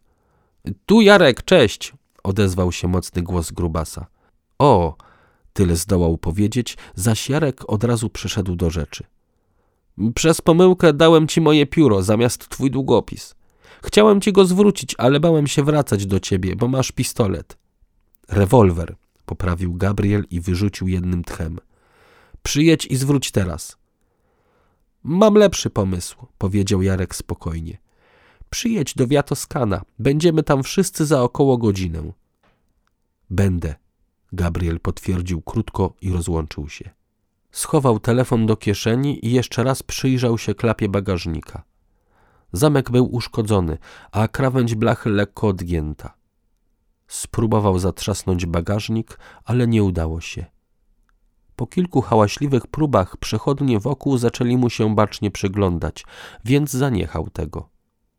Ciekawe, gdzie byliście, jak mi obrabiali auto, co? Syknął pod nosem i wsiadł za kierownicę. Jadąc z powrotem do Katowic, pogrążył się w myślach. Zaduma była tak głęboka, że już po kilku kilometrach przestał nawet zwracać uwagę na trzaskająco głośno niedomkniętą klapę bagażnika. Przyznawał przed samym sobą, że właściwie nie wie, co go tak pociąga w tych zasuszonych kościach sprzed wieków. Tyle razy obiecywał sobie i innym, że to wszystko zostawi ekspertom, jakimkolwiek ekspertom, że będzie poza tym wszystkim i że ewentualnie zainteresuje się jedynie końcowymi wnioskami. Ewentualnie. Słowo na wiele liter, trudne do wymówienia, ale jakże przydatne w obecnych czasach. Tym razem też jechał na spotkanie ewentualnie, niczego sobie nie obiecywał i niczego się nie spodziewał. Chciał tylko odebrać to, co Mateusz zostawił dla niego w namiocie, zwykła ciekawość i urażone ego. Nikt przecież nie lubi, kiedy ktoś inny sięga po jego własność albo pomija go w udziale. Od jakiegoś czasu nie przepadał za ludźmi, których kiedyś sam wyznaczył na poszukiwaczy prawdy ukrytej na jego posesji. Nie wiedział czemu, ale ich nie lubił. Już nie. Nie chciał mieć z nimi nic wspólnego. Znowu zadzwonił jego telefon. Rozejrzał się uważnie, spojrzał w lusterka i upewnił się, że w pobliżu nie jedzie żaden radiowóz. Wydłubał z kieszeni telefon i nie spoglądając nawet na ekran odebrał. Witam serdecznie naszego żołnierza, w głośniku zabrzmiał nieco rubaszny głos Zygmunta. Gabriel zdziwił się, bo w życiu nie spodziewałby się telefonu od niego i nie odpowiedział. Dzwonię, bo. Zygmunt był nieco zbity z tropu. Mam pański numer od pana matki.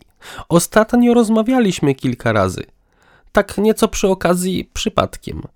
A chcielibyśmy się umówić konkretnie do pana na takie spotkanie. Na spotkanie, powtórzył bezmyślnie Gabriel. Na spotkanie, przytaknął Zygmunt. Pan i kto, pani Mirka? spytał bez emocji Gabriel.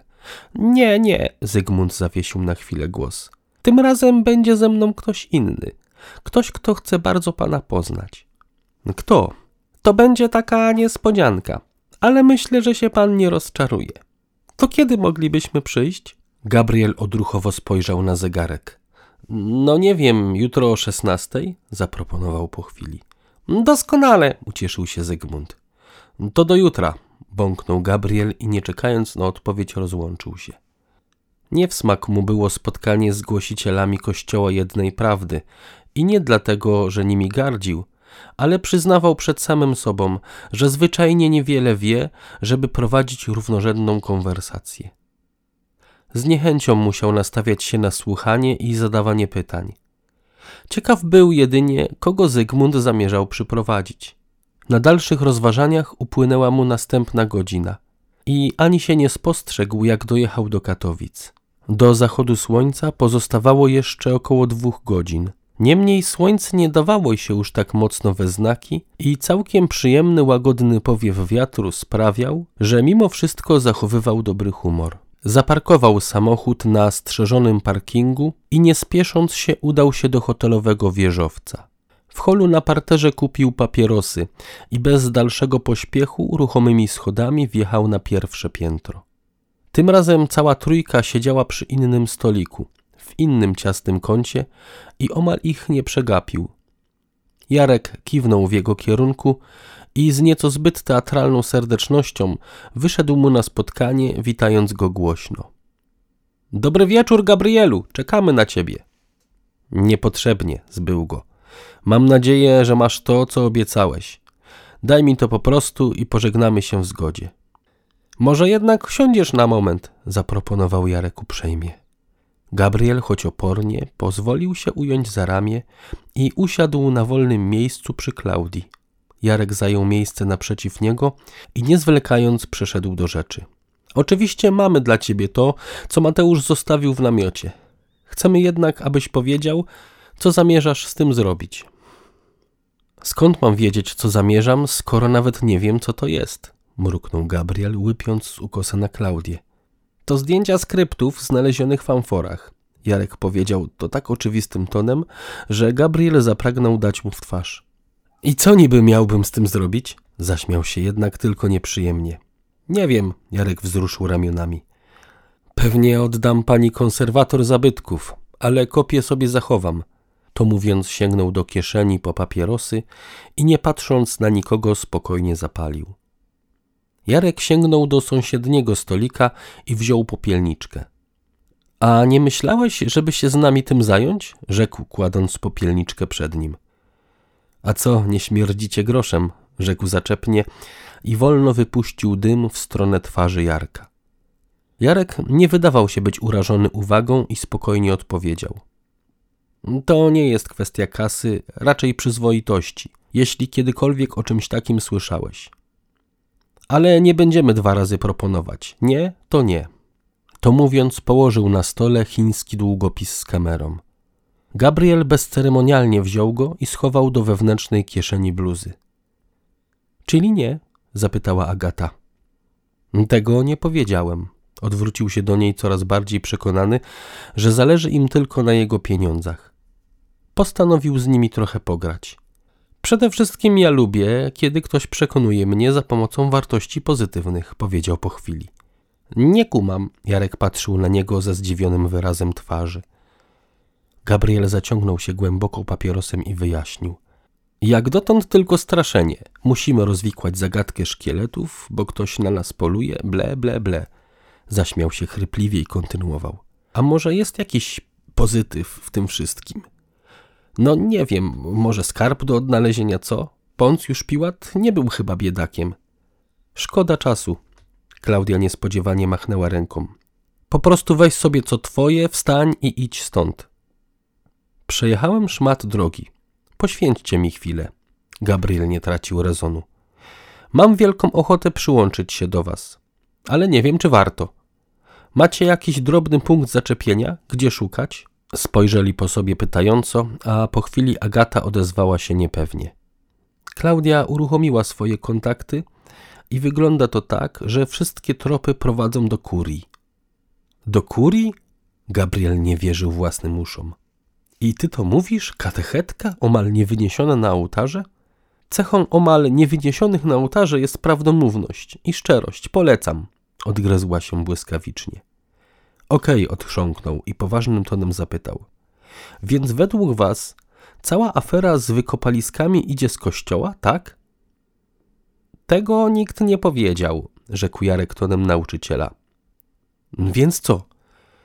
To, co dokładnie powiedziała Agata, wtrąciła Klaudia, że tropy wiodą do kurii. Tam prawdopodobnie zostały przekazane skrypty do tłumaczenia.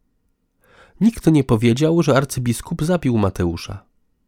Czemu nie? Gabriel zdobył się na nikły uśmieszek. Według niektórych to bardzo groźna organizacja, zdolna do wszystkiego, aby tylko nie wydało się, jak przez dwa tysiące lat kombinują. Myślisz jak zwykle jednotorowo, rzuciła Agata uszczypliwie. Skąd wiesz, że przekazanie tekstów władzom kościelnym jednocześnie ma związek z akcją przeciwko profesorowi Navarrete i nami? Może to w sumie dwie sprawy. Jednotorowo powtórzył za nią i syknął. Mam pytanie do was. Kto był współpracownikiem Mateusza? Co? odezwali się niemal równocześnie. No pytam, z kim współdziałał Mateusz, kiedy wy pochowaliście się w swoich norach, szykując durne uwagi pod moim adresem. Nie rozumieli, o czym mówi, więc kontynuował. We dwójkę ledwo żeście wyjęli ze stelaża namiotu to, co Mateusz tam schował. I nie przyszło wam do głowy, że Mateusz nie dałby rady tam tego samu mieścić? To mówiąc, spojrzał każdemu w twarz i widząc ich zakłopotanie, triumfował w duchu. Nie odzywali się dłuższy czas, więc Gabriel energicznie zdusił wypalonego do połowy papierosa i spytał zniecierpliwiony. Więc co zamierzacie? Musimy porozmawiać z biskupem, rzekła Agata niepewnie. Gabriel świetnie wyczuł jej niepewność i miał dość. Jeśli wcześniej miał jakiekolwiek wątpliwości, teraz wyzbył się ich na zawsze. Był pewien, że ma do czynienia z bandą rozhisteryzowanych amatorów, którym wydawało się, że nagle ktoś poustawiał ich w centrum wszechświata. Zabrał ze stołu swoje papierosy i nie czekając na dalsze wyjaśnienia sięgnął po kulę. Idę, a wy róbcie co chcecie, powiedział nerwowym tonem. Idź, rzuciła Klaudia twardo. Nie popatrzył już nawet na nikogo z nich. Jak szybko tylko umiał, skierował się w stronę wyjścia, sprawnie wymijając zbliżającego się w stronę stolika kelnera. Następnego dnia zrobiło się niespodziewanie chłodno. Burza, która rozszalała się poprzedniego dnia, przyniosła masy zimnego powietrza, a także poważnie uszkodziła rozpięty nad wykopem namiot. Chcąc, nie chcąc, Gabriel udał się na miejsce wykopalisk, aby obejrzeć namiot i oszacować, czy warto go jeszcze ratować, czy po prostu nie wydać panu Juskowi polecenia zwinięcia tego niepotrzebnego śmiecia. Olbrzymi namiot z woskowanego płótna stał jeszcze o własnych siłach, niemniej nawet niewprawne oko mogłoby dostrzec, że może runąć lada moment.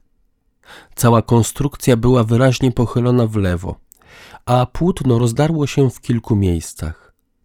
Duże płaty tkaniny powiewały w podmuchach silnego jeszcze wiatru, jak wielkie białe flagi. Wzdrygnął się na ten widok i przystąpił do bardziej wnikliwego oszacowania stanu namiotu. Wgramolił się do środka i uważnie przyjrzał się podporom. Był niemal pewien, że przyczyna uszkodzenia namiotu leżała w tym, że Jarek z Agatą usunęli jedną z nich.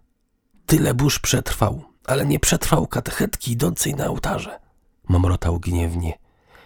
Rozejrzał się po wnętrzu, wszystkie filary były wygięte, a nawet jeden się złamał pod wpływem siły wiatru. Gabriel instynktownie poszukał podpory, którą zdemontował Jarek z Agatą, ale nie mógł jej znaleźć. Kiczort! krzyknął i splunął na ziemię. Obszedł całe wnętrze namiotu, jakby po raz pierwszy zgubił się w tej bądź co bądź prostej budowli. Był jednak pewien, że dokładnie zna miejsce ukrycia chińskiego długopisu. Podszedł do wytypowanej podpory i obejrzał ją dokładnie. Przyjrzał się ziemi dookoła podstawy, a także z bliska spojrzał na łączenie. Nie mogło być mowy o pomyłce. Właśnie te profile były niedawno demontowane. Ktoś jednak najwyraźniej złożył je z powrotem. Tylko kto i po co? Stanął stabilnie na ziemi i odrzucił swoją kulę na bok. Obiema dłońmi mocno objął aluminiową rurkę i próbował ją poruszyć. Tak jak przypuszczał, takie próby nie miały najmniejszego sensu. Spróbował jeszcze raz, ale namiot poruszył się niebezpiecznie i postanowił dać sobie z tym spokój. Zatem Mateusz miał co najmniej dwóch wspólników, co? Powiedział do siebie, ale jakby zbyt głośno, więc zreflektował się i rozejrzał uważnie dookoła. Wnętrze namiotu oświetlał duży świetlik umieszczony centralnie na górnej płachcie. Zakamarki tonęły w gęstym mroku i nie mógł być pewien, że jest sam. Ostrożnie podniósł swoją kulę i chciał wyjść. Postanowił jednak jeszcze rzucić okiem na dno wykopu. Zbliżył się do jego krawędzi i spojrzał w dół. Od razu dostrzegł na dnie wykopu wielkie litery usypane z żółtego piasku. Żadnych głosicieli, skurwielu, to może przeżyjesz. Może czy może, grafomanie? Zakpił głośno i sięgnął po telefon. Wykonał kilka zdjęć i ponownie schował telefon do kieszeni. Rozejrzał się raz jeszcze po wnętrzu namiotu, nie wykazując żadnej obawy i krokiem na tyle pewnym, na ile pozwalało mu jego kalectwo, wyszedł na zewnątrz. Obszedł namiot dookoła, potem sprawdził jeszcze baraki. Wszystkie były zamknięte i nic nie wzbudziło jego podejrzeń. W drodze powrotnej głowił się, po jaką właściwie cholerę wybrał się do tego namiotu. Od dawna wiedział, że nie jest on tutaj już do niczego potrzebny, więc bez żadnego zastanowienia mógł wydać decyzję o likwidacji obozu. Ale jednak nie wydał. Poszedł tam i zobaczył ten napis. Kto go wykonał? Oczyma wyobraźni widział tęgiego Jarka sypiącego piasek w formę liter. Tylko Jarek nie mógł wiedzieć, że spotyka się z członkami kościoła jednej prawdy. Kto więc? Olśniło go nagle. To przecież musiało być zupełnie poza sprawą wykopalisk. Ktoś ze wsi, wredne szczyle, sączące co dzień tanie wina pod sklepem. Ten namiot musiał stać się dla nich dobrą meliną. Kto wie, może nawet siedzieli tam w tę noc, kiedy Jarek z Agatą rozbrajali podporę. Cała wieś wie pewnie więcej niż on sam. Tak czy inaczej, to stawało się denerwujące. Tajemnica szkieletów strasznie skomplikowała jego życie. I z rozrzewnieniem wspominał czas, kiedy jeszcze nie zaczął tej przeklętej budowy. Wrócił do domu i natychmiast poszedł do siebie na górę. W pokoju było dość chłodno i ściągając mokrą kurtkę, poczuł nieprzyjemne dreszcze na plecach. Włączył elektryczny grzejnik, usiadł na tapczanie i owinął się grubą wełnianą kapą. Po chwili ogrzał się na tyle, że powieki zaczęły mu ciążyć i wolno zapadał w sen. Nagle coś zwróciło jego myśli w stronę Klaudii. Jak to zostało powiedziane? Jej kontakty. Użyła swoich kontaktów, żeby się czegoś dowiedzieć. Przecież on też miał swoje źródła. Czemu wcześniej o tym nie pomyślał? Skoro sprawa rzekomo była tak tajemnicza i sięgała gdzieś głęboko w spiski i tajne organizacje, polski wywiad musiał coś o tym wiedzieć. Miał przecież znajomego w wywiadzie. Poznał go w Afganistanie i przez dłuższy czas łączyły ich nawet zażyłe stosunki. Coś więcej niż braterstwo broni. Zmusił się do powstania z tapczanu i w szufladzie biurka wyszperał swój stary notes. Przekartkował szybko poszarpane, kilkakrotnie wymoczone i wysuszone strony, po czym znalazł to, czego szukał. Wziął telefon, pośpiesznie wystukał znaleziony numer i pociągając nosem cierpliwie czekał na połączenie. Mów, odezwał się Robert po drugiej stronie. Cześć, tu mówi Gabriel Kostecki, zaczął oficjalnie. Robert nie odpowiedział, więc Gabriel streścił swoją prośbę tak lakonicznie, jak tylko umiał. Zdaje się, że w coś wdepnąłem, ale nie wiem w co. Znaleźli jakieś zwłoki na mojej ziemi i boję się, że chcą mnie umoczyć w jakimś szambie. Mógłbyś sprawdzić, gdzie powsadzali moje nazwisko? Dowiem się, odparł krótko Robert i rozłączył się. Gabriel wrócił na łóżko i ponownie owinął się narzutom. Tym razem nie przeszkadzał powiekom opadać w dół i już po chwili zapadł w głęboki, ożywczy sen. Nie zdążył umyć talerza po jajecznicy z boczkiem, kiedy zadzwonił dzwonek u drzwi. Spojrzał na zawieszony na ścianie duży zegar i zorientował się, że było już nawet kilka minut po szesnastej. Wytarł ręce w czystą ścierkę i poszedł otworzyć drzwi. W progu stał Zygmunt, jak zwykle ubrany w dobrze skrojony markowy garnitur. Przez ramię miał przewieszony kremowy prochowiec, a w dłoni trzymał złożony parasol. Gabriel uśmiechnął się życzliwie do niego i wtedy zauważył stojącą nieco z tyłu dziewczynę. Omal nie przewrócił się z wrażenia, bo wydawało mu się, że Zygmuntowi towarzyszył nie kto inny jak doktor Klaudia. Miała niemal takie same kręcone blond włosy, podobną sylwetkę i podobny do niej owal twarzy. W półmroku korytarza można było się pomylić. Dziewczyna zrobiła jednak pół kroku do przodu i jej twarz znalazła się w snopie światła, wypływającego z półotwartych drzwi. Była dużo młodsza, nie miała więcej niż dwadzieścia pięć lat. Jej duże niebieskie oczy miały wyraz tak łagodny i dobry, że Gabriel miał wrażenie, iż właśnie teraz po raz pierwszy w życiu spotkał prawdziwą kobietę. Ona zdawała się być nieco zakłopotana jego natarczywym spojrzeniem i ponownie cofnęła się za plecy Zygmunta. Ten, zapewne świadom wrażenia, jakie wywołało ich przybycie, postanowił je wykorzystać. Cieszymy się, że zgodził się pan na spotkanie. Możemy wejść? Oczywiście, bąknął cicho Gabriel i wycofał się do sieni, robiąc miejsce gościom. Weszli do sieni i nim Gabriel zdążył zaprotestować, grzecznie ściągnęli buty. Potem podążyli za nim do kuchni, a on zaproponował coś do picia. Może być herbata zielona, jeśli można, powiedział Zygmunt i pytająco spojrzał na dziewczynę. Dla mnie cokolwiek, może też herbata. Poprosiła tak cicho, że Gabriel ledwo ją usłyszał. Zajęli miejsca przy kuchennym stole, a Gabriel szybko zaproponował. Tak, może zrobię herbatę, ale pójdziemy do mnie na górę, co? Oboje zgodzili się bez szemrania. Gabriel wstawił czajnik na gaz i wyjął z kredensu duży porcelanowy dzbanek.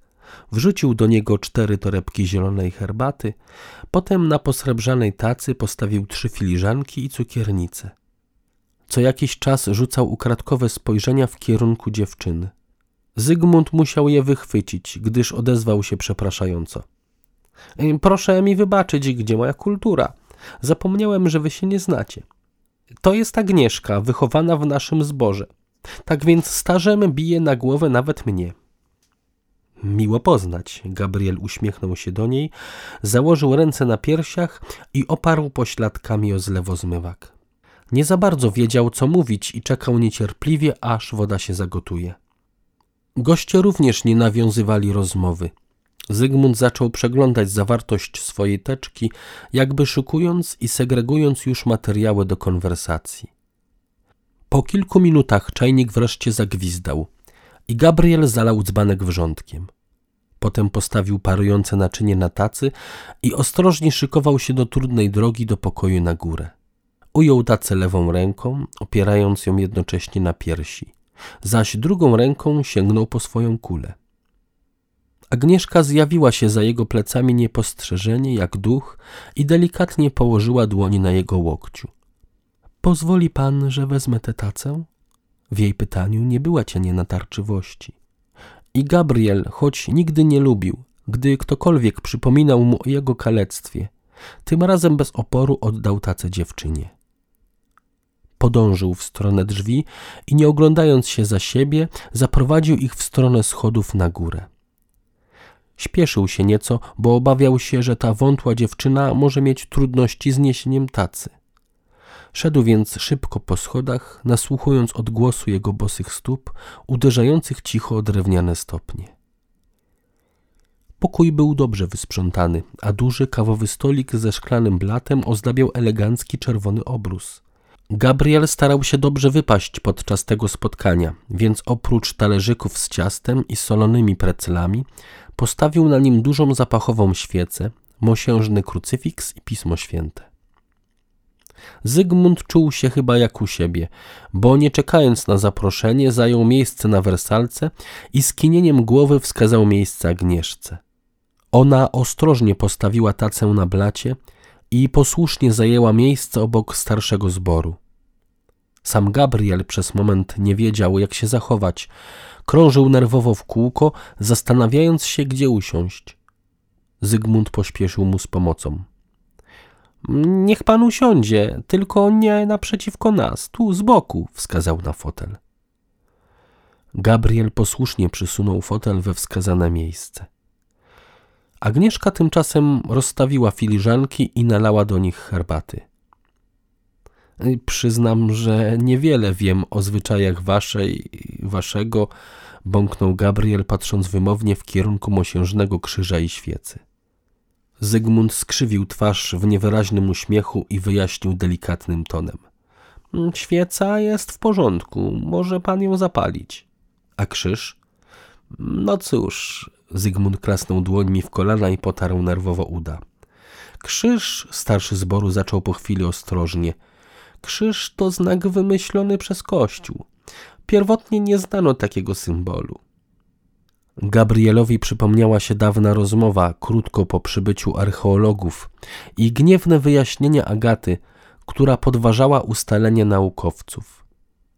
Tym razem to, co mówił Zygmunt, zdawało się być zbieżne z wnioskami naukowców, więc Gabriel pomyślał, że znalazł się we właściwym punkcie poszukiwań.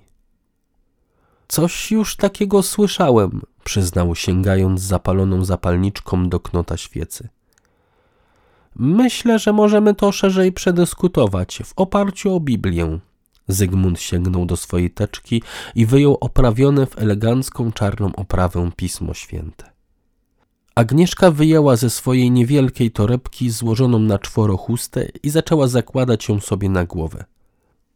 To też zgodne z Biblią, wyjaśniła zdziwionemu Gabrielowi. List do Koryntian. Każda zaś niewiasta modląca się albo prorokująca z nienakrytą głową hańbi swą głowę. Aha, skomentował krótko Gabriel i zamilkł, gdyż zauważył, że Zygmunt przybrał postawę jak do modlitwy. Boże, zaczął Zygmunt, spotykamy się tutaj u naszego przyjaciela Gabriela na rozważaniu Twoich prawd zawartych w piśmie. Kieruj naszym rozumem, abyśmy mogli poznać ich pełnię. Po tej krótkiej modlitwie Zygmunt niemal natychmiast przystąpił do rzeczy. Więc Gabrielu wprawnie przekartkował Biblię i szybko znalazł szukany fragment. Zwróć proszę uwagę, że w Piśmie Świętym w ogóle nie występuje słowo krzyż, na przykład w tym fragmencie. Podsunął otwartą księgę Gabrielowi i poprosił o odczytanie. Gabriel wziął Biblię do ręki i znalazł zaznaczony uprzednio ołówkiem fragment. Odchrząknął i przeczytał na głos. Kiedy jednak ujrzeli go naczelni kapłani i urzędnicy, zawołali mówiąc: Napal z nim, napal. Dziękuję, przerwał Zygmunt i pośpieszył z wyjaśnieniami. To jeden z fragmentów. Przywołałem go tutaj, bo zapewne ta scena jest ci znana. Ludzie wołający do Piłata: Ukrzyżuj, ukrzyżuj. A w rzeczywistości napal, napal? Tak mówi pismo. Zygmunt wzruszył ramionami. Czymś również niezrozumiałym jest czczenie rzekomego narzędzia śmierci. Czy wyobrażasz sobie czcić na przykład karabin? Gabriel nie odpowiedział, więc Zygmunt kontynuował.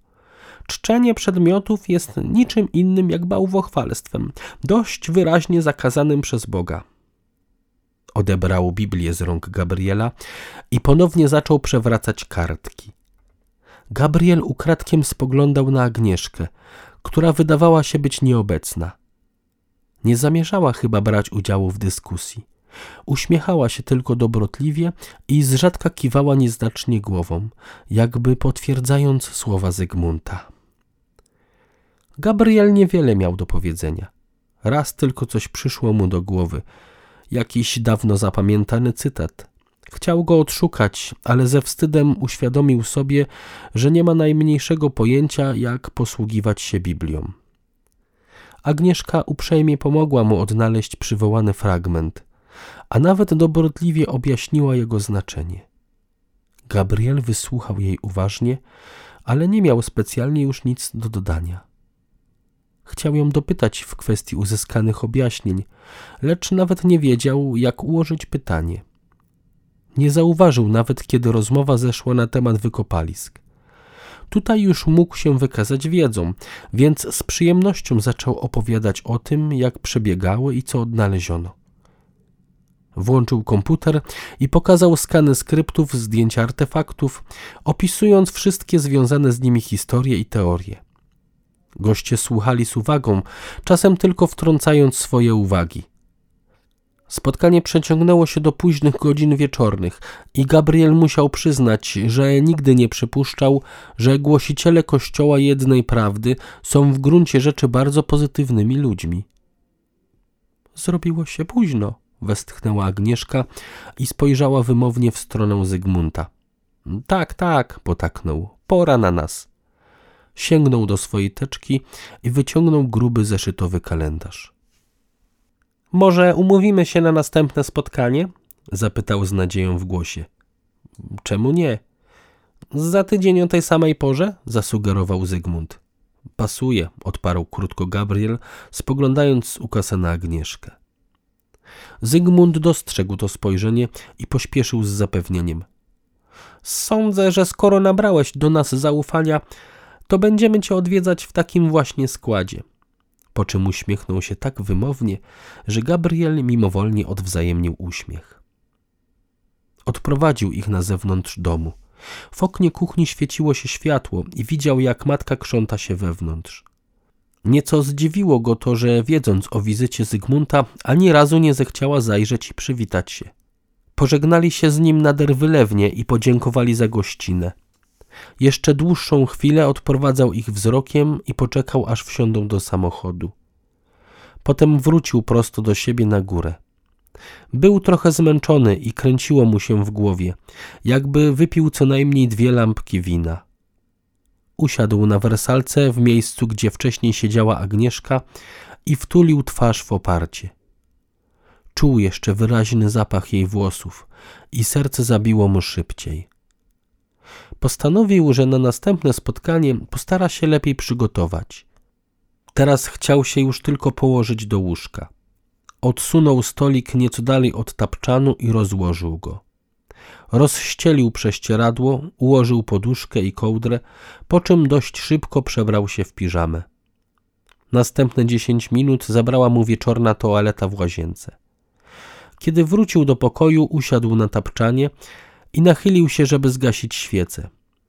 Wtedy wzrok jego spoczął na mosiężnym krucyfiksie, który w bałaganie, jaki ciągle panował na stole, wydawał się być niewidoczny. Wziął go do ręki, przyjrzał się dokładnie.